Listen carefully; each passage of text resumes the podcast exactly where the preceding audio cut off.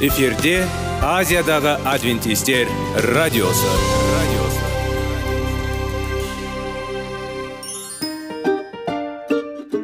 сәлем достар. Денсаулық өмір бұлағы және біздің бірінші байлығымыз демекші денсаулық сағаты рубрикасына қош келдіңіздер. Біздің рубрикада біз әртүрлі факторларменен мәліметтерменен кеңестерменен бөлісіп шын жүректен сіздердің дендеріңіз сау болғанын қалаймыз. Сол үшін біздің рубрикаға қош келдіңіздер. Дайындалып тұрыңыздар. Өйткені келесі минуттарда қызықты фактілерге ие боласыздар. Енді достар ең бірінші байлығымызды қолымызға алып алға кеттік.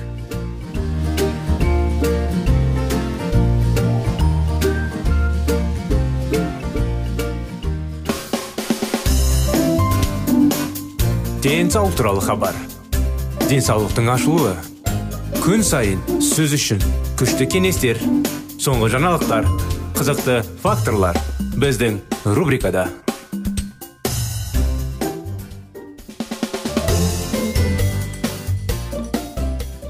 қытай зерттеулері сіздердің назарларыңызға достар құрметті тыңдаушыларымыз армысыздар. Ассалаумағалейкум. Денсаулық сағат бағдарламамызға қош келдіңіздер. Біз тақырыбымызды ары қарай жалғастыра кетейік. Әрине осы екі факторды да дұрыс тамақтану арқылы басқаруға болады. Үшінші қауіп факторы өмірінің соңғы жылдарында адамның миына хаос тудыратынын еркін радикалдық саны. Олардың зиянды әсері танымалдық дисфункциясы мен деминацияның даму процесінде маңызды рөл атқаратындықтың ғылымдар антиоксиданттардың тұтыну басқа аурулар сияқты миымызды зиянды әсерлерден қорғайды деп санайды. Жануарлардың тамағында антиоксиданттар жеткіліксіз және оны тұтыну әдетте бос радикалдардың пайда болуын және зақымдануды ынталандырады. Ал антиоксиданттарға бай өсімдік тағамдары мұндай зиянды әсерлердің алдын алады. Бұл жағдайда біз макулодистрофия жағдайларында себеп салдарлақ байланысты байқаймыз. Әрине бұл жерде генетикалық факторлар маңызды рөл атқарады және белгілі бір гендер болды. Олар когнитивті функциялардың бұзылу қаупін арттыруға ықпал етеді. Алайда сыртқы жағдайларда да маңызды. Ең алдымен басым жақында жүргізілген зерттеу. Гавайде тұратын жопандық американдық. Жопандықтарға қарағанда альцгеймер ауруына көбірек ұшырайтындарға анықталды. Жапонияда тұратындар. Тағы бір зерттеу көрсеткендей.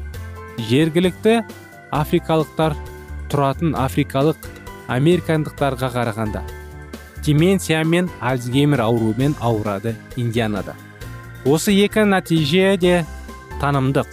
Бұзылулардың дамуында сыртқы орта үлкен рөл атқарады деген ойды қолдайтын дәлелдер ретінде қызмет етеді. Әлемдегі танымдық бұзылулардың географиялық таралуы батыс деп аталатын басқа аурулардың географиялық таралуына әкеледі. Жиілік альцгеймер ауруы ең аз дамыған елдерде төмен. Бір апта бойы зерттеу барысында 11 елдегі ауруының жиілігімен тамақтану ерекшеліктері салыстырылады. Бұл ретте жоғары дамыған елдерде май мен дәнді дақылдарды қолданудың төмен деңгейі. Бұл ауру жиі кездеседі. Біз маңызды нәрсені тапқан сияқтымыз. Тамақтану қартайғанда біздің ақыл ой қабілетімізге айтарлықтай әсер ететіні анық. Бірақ қандай? Бұл біз үшін пайдалы өнімдер ме? Жұмсақ танымдық бұзылуларға келетін болсақ жақында жүргізілген зерттеулер қандағы е дәруменнің жоғары деңгейі мен есте сақтау қабілетінің жоғалу деңгейіне төмендеу арасындағы байланыстың болуын болжайды. Сонымен қатар есте сақтау қабілетінің жоғалуы мен қандағы с дәрумені мен селен деңгейінің жоғалуына арасындағы байланыс анықталды. Екеуі де осы заттарды азайтады. Еркін радикалдардың белсенділігі е және с витаминдері бұл тек өсімдік табиғаттарында ғана кездесетін антиоксиданттар. Ал селен жануарларда да өсімдік өнімдерінде де кездеседі. 65 пен 90 жас аралығындағы 260 қарт адам қатысқан зерттеуде. Келесі нәтиже алынды. Майлар қаныққан май қышқылдары мен холестерин мөлшері төмен және көмірсулар талшықтар дәрумендер әсіресе фолий қышқылы с және е дәрумендері және басқа каротин және минералдар темір мен мырыш бар диетаны егде жастағы адамдардың жалпы денсаулығын жақсарту үшін ғана емес. Сонымен қатар олардың танымдық функцияларын жақсарту үшін де ұсынуға болады. Бұл өсімдік өнімдерін жеуге және егер біз миымыздың оңтайлы жұмыс істеуін қаласақ жануарлардың өнімдерін тұтынудан бас тартуға дәлел. Бірнеше жүздеген қарт адамдар қартысқан тағы бір зерттеу көрсеткендей с дәрумені мен бета карантинді көп мөлшерде тұтынған адамдар. Ақыл ой қабілеттерінде арналған тесттерде жоғары нәтижелер көрсетті. Басқа ғылыми жұмыстар сонымен қатар қандағы с дәруменнің төмен деңгейі мен қарттықтағы танымдық қолдаудың арқасында расталды. Ал кейбір зерттеулер дәрумендерді тұтыну арасындағы байланысты анықтады. Б топтары. Оның ішінде бета карантин және танымдық функцияны жақсарту. Жоғарыда аталған барлық жеті зерттеу. Тек өсімдік негізіндегі тағамдарда кездесетін бір немесе бірнеше қоректік заттарды. Тұтыну мен қартайған кезде танымдық бұзылу қаупін төмендеуі арасындағы байланысты көрсетеді. Тәжірибелік жануарлардың қатысуымен жүргізілген зерттеулер өсімдік тағамдарының миға пайдалы екенін растап қана қоймай сонымен қатар механизмдерді түсінуге көмектесті. Мұндай пайдалы әсер осы зерттеулердің нәтижелерінде кейбір айырмашылықтар бар. Мысалы олардың біреуі с дәрумені ал екіншісі с дәрумен емес бета карантинді тұтынуымен байланысты екенін көрсетті. Бұрын соңды жүректерген зерттеулердің еш қайсысы антиоксидантты тұтынудың жоғарылауы есте сақтау қабілетінің жоғалуына ықпал ететіндігін көрсеткен жоқ. Директор әрқашан қарама қарсы тәуелділікті көрсетеді. Сонымен қатар бұл статистикалық маңызды корреляция туралы болып отыр. Дегенмен дұрыс тамақтанбау салдарының танымдық функциялардың қаншалықты бұзылғанын білмес бұрын кеңірек зерттеулер жүргізу қажет. Микроинсульттерден және альцгеймер ауруынан туындаған деменция туралы не айтуға болады? Тамақтану осы аурулардың дамуына қалай әсер етеді? Инсультке әкелетін тамырлармен бірдей қиындықтар туындаған деменцияға тамақтану әсер етеді. Осы сияқты анықтамалар құрметті достар ары қарай келесі жолы жалғастырамыз. Өкінішке орай бағдарламамыз аяғына келіп жетті. Қытай зерттеулер тақырыбы денсаулық сағат бағдарламасында. Келесі бағдарламаға сау сәлемет болыңыздар.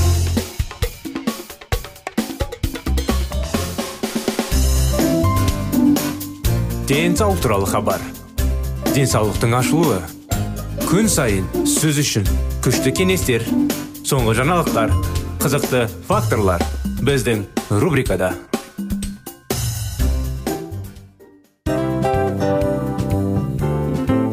Әуелі байлық денсаулық екінші байлық он саулық үшінші байлық ақ жаулық. Ал енді осындай радио парақшадан кейін не дейміз? Барлықтарыңызға денсаулықтарыңыз зор болсын деп тілейміз. Денсаулықтың өзгеруі кішкентай нәрселерден басталады. Осымен біз берген кеңестер мен мәліметтер шын жүректен сіздер үшін қандай да бір болсын жәрдем берді деп үміттенеміз. Тыңдаушыларымызбен келесі радио парақшасына дейін қоштассамыз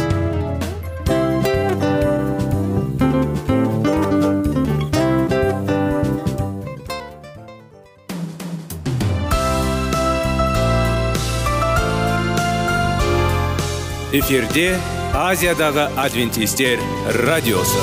Радиосы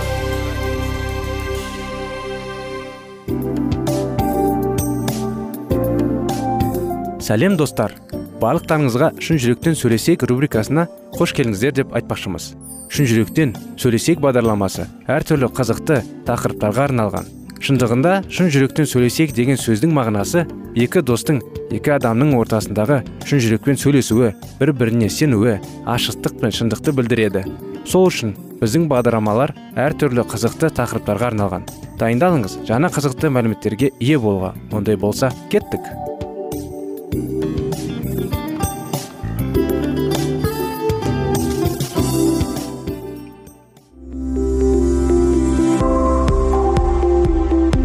Алтын сөздер. Сырласу қарым қатынас жайлы кеңестер мен қызықты тақырыптар. Шын жүректен сөйлесейік рубрикасында.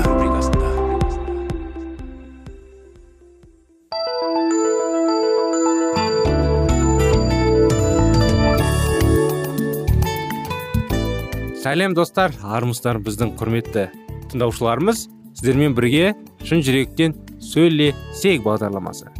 Баланың қалай тәрбиелеу керек тақырыбымен баланы тәрбиелеу маңызды ма?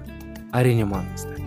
Алдына айта кеткенде баланы сүю оған назар аудару оны киіндіру тамақ беру оның бәрі күнделікті сіздің әдетіңіз. Аналық болмаса әкелік әдетіңіз. Оған қарамастан одан бөлек сіз баланы дұрыс тәрбиелеуіңіз керек. Соны біздің осы тақырыптарда біліп түсінуге тырысамыз. Оқыту түсіндіру бұл дағдырыс пайда болғанға дейін баланың ақыл ойын қабылдауға үйрету.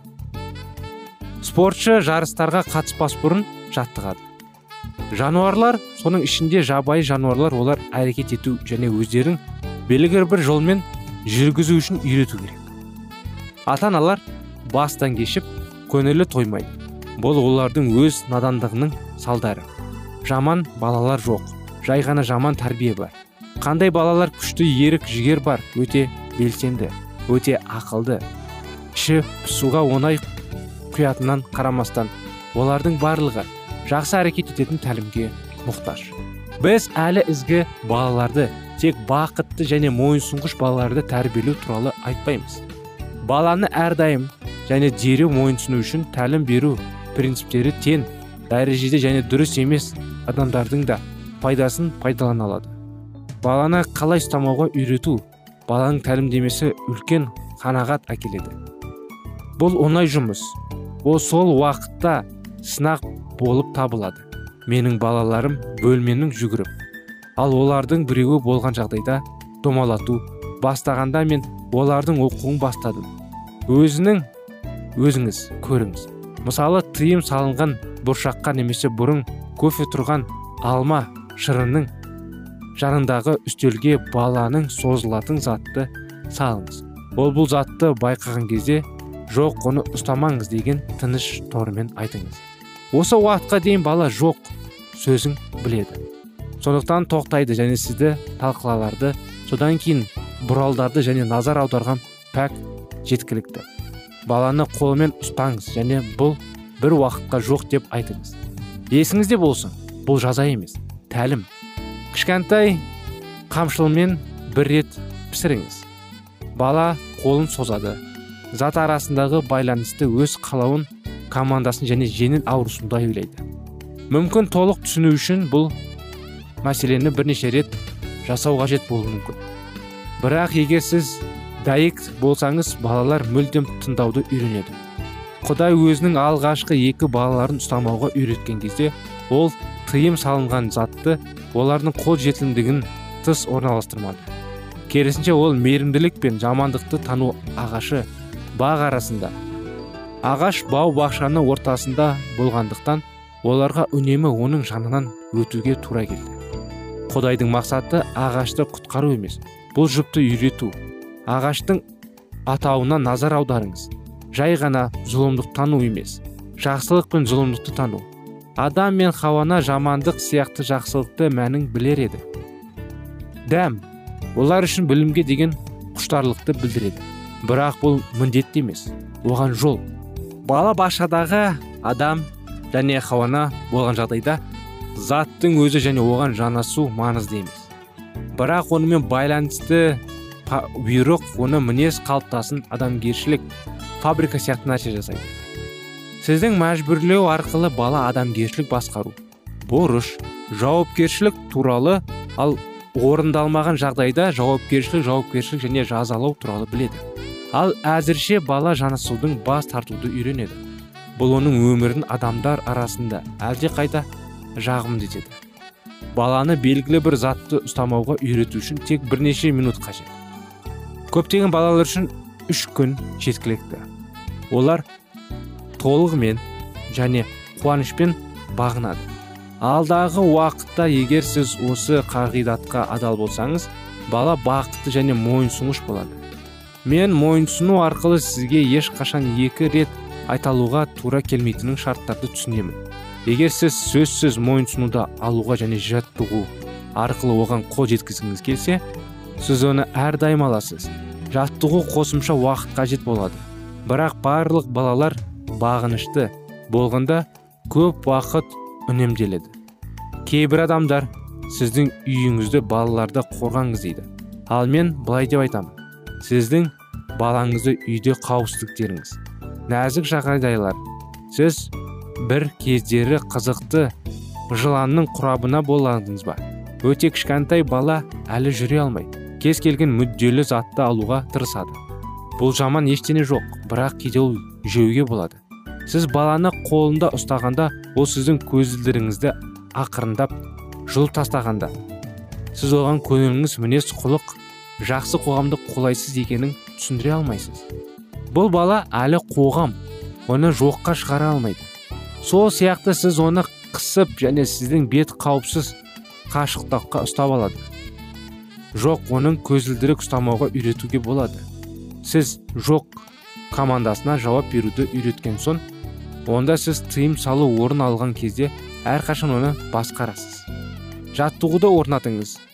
Оны көзілдірікке оңай созылуы мүмкін күйде ұстаңыз. Оны тікелей көзге қараңыз. Ол тұтқаны созады. Қорғалмаңыз. Қашпаңыз. Жоқ деп айтыңыз. Дауысты төмендетуге болады бірақ ешқандай жағдайда көтермеуге болады. Ешқашан көтермеңіз. Сіздің сөзіңіз әдетте қатты болмау керек. Есіңізде болсын сіз бала ересек болғанға дейін қолында алатын командалық басқару үлгісін орнатыңыз. Ол көзілдірікке тиеді. Тағы да жоқ деп айта отырып оған сәл ауырлық жасаңыз. Егер бала әрине жылап жыламақ болмаса соншалықты қатты емес және бұл туралы алаңдамаңыз. Мінекей осындай кішігірім кеңестер құрметті достар бұның кеңестің жалғасын әрине тақырыптың жалғасын келесі жолы жалғастырамыз. Бағдарламамыз уақыт аяғына келді. Келесі жолға дейін сау саламат болыңыздар.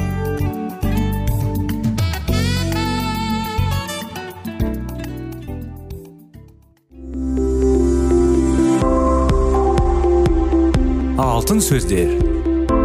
Сырласу. Қарым қатынас жайлы кеңестер мен қызықты тақырыптар. Шын жүректен сөйлесейік рубрикасында.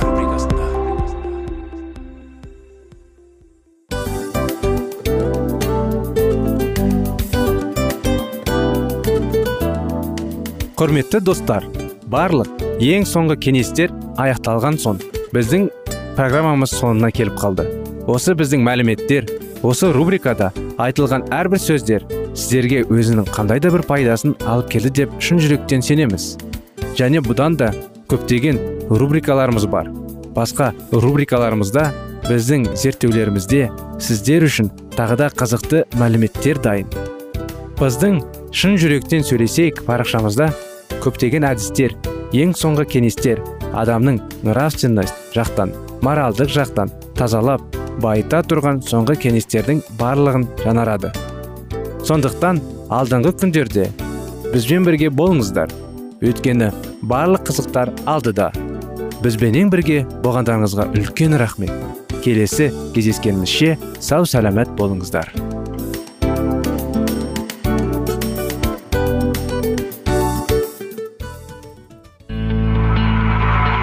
Жан дүниеңді байытқан жүрегіңді жаңғыртқан өмірдің мағынасын ойландырған рухани жаңғыру. Рубрикасы.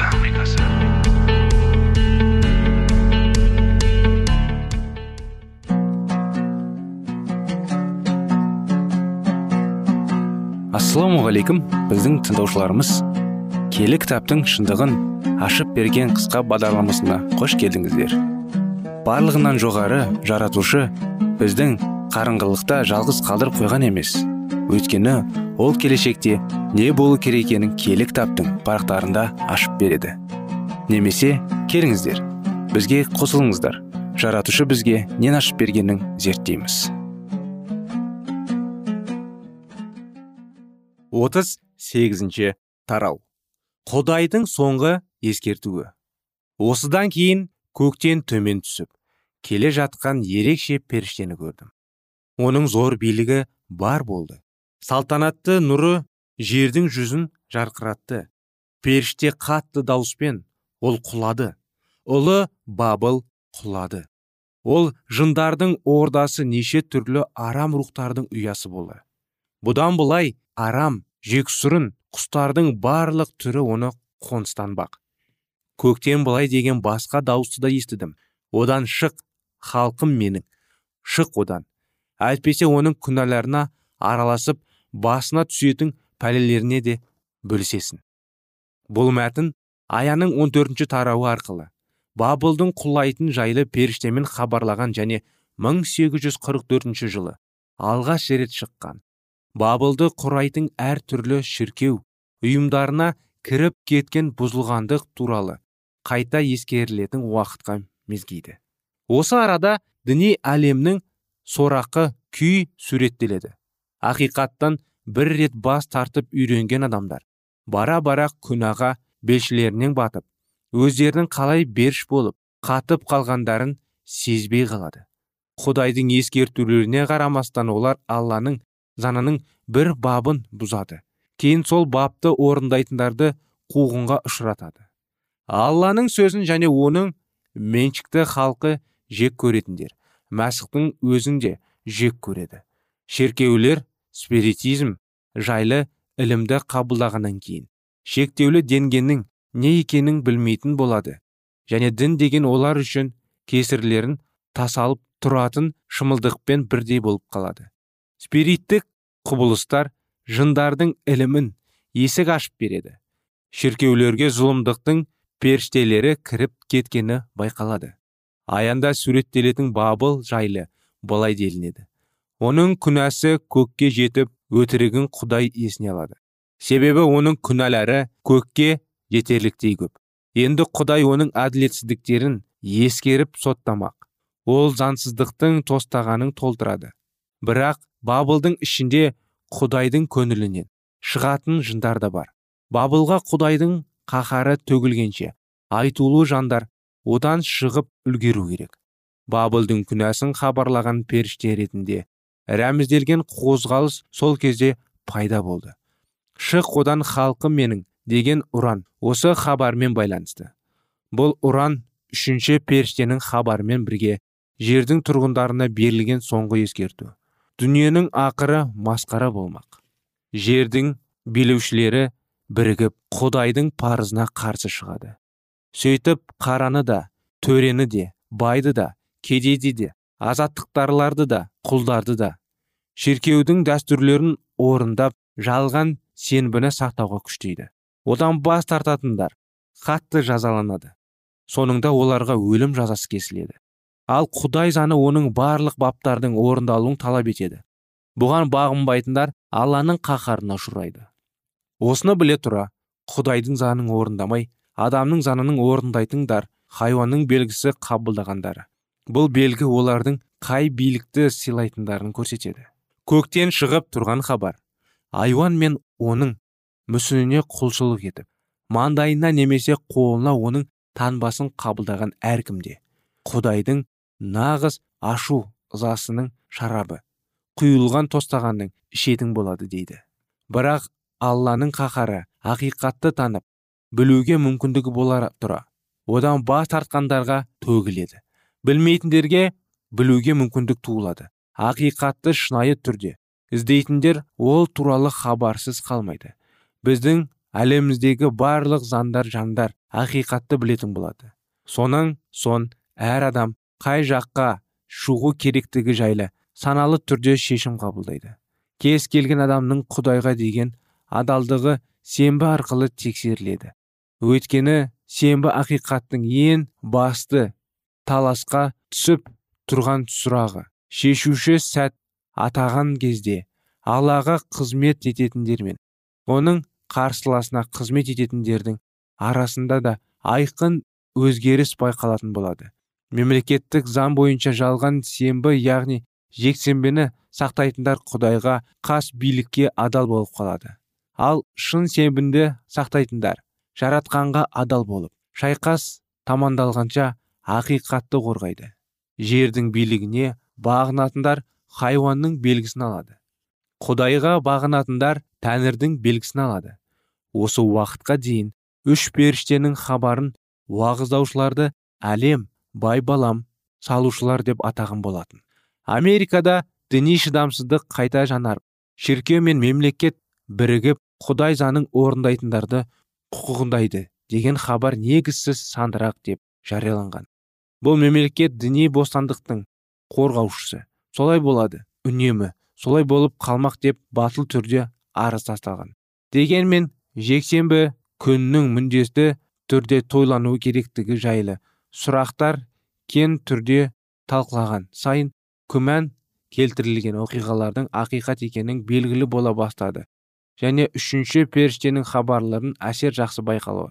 Әрбір ұрпаққа әлем мен шіркеудің күнәларын әшкерлеу үшін құдай өзінің құлдарын жұмсаған. Бірақ адамдар өздерінің құлақтарына жағатын ғана хабарды қабылдап үйренген. Жақпайтын хабарды жақындатпайды. Көптеген реформаторлар адамдар мен шіркеудің қателерін көрсету үшін өте сақтықпен жүріп жұмыс істеген. Халыққа таза ілімді қайтару үшін оларға өз өмірлерін өнеге етуге тырысқан. Өз заманындағы ильяс пайғамбар секілді құдайдың киелі рухымен шабыттанған. Бұл қызметкерлер халық пен патшаның күнәсін беттерінше ашық айтқан. Әрине бас кезінде олар біреуге мынауың қате? деп айтуға қорыққанған кейін алдарыңда не күтіп тұрғандарына қарамастан жұртын басына төніп тұрған қауіпті қорықпасан тіке айтатын болған. Ақиқаттың ержүрек қарлығаштары құдай ауыздарына не салса соны батыл түрде уағыздаған ақ халық болса оларды тыңдауға мәжбүр болған. Үш періштелік хабарда осылай уағыздалған болады. Бұл қасиетті іспен арнайы ілімі барлар емес. Киелі рухпен белгіліңдер ойналысады. Олар құдайдың ауыздарына салынған жұраққа жұртқа хабарлайды.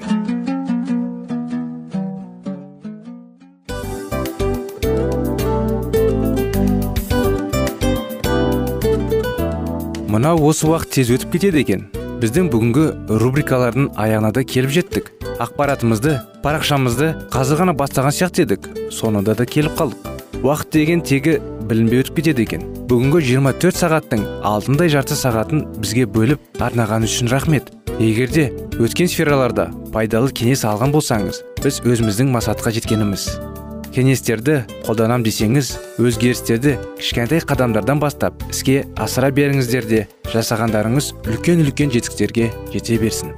Шын жүректен әрбір берілген кеңестер сөздер сіздерге пайдасын әкеледі деп сенеміз. Сіздермен бірге кездесулерімізді сөзсіз түрде асыға күтеміз. Сәтті күн тілеп сіздер менің ұзаққа қоштаспай келесі кездескенімізше тек қана сау саламатты болыңыздар дейміз. Достар біздің бағдарлама бойынша сұрақтарыңыз болса әрине сіздерге керекті анықтама керек болса біздің whatsapp нөмірімізге хабарлассаңыздар болады. Плюс бір үш жүз бір жеті жүз алпыс алпыс жетпіс. Иә достар сіздер қателеспедіңіздер бұл біздің номерлерге ұқсас болмаса да бұл whatsapp номер арнайы. Хабарласыңыздар сұрақтарыңызды қойып тұрыңыздар. Анықтаманы алып тұрыңыздар. Плюс бір үш жүз бір жеті жүз алпыс алпыс жетпіс whatsapp номері.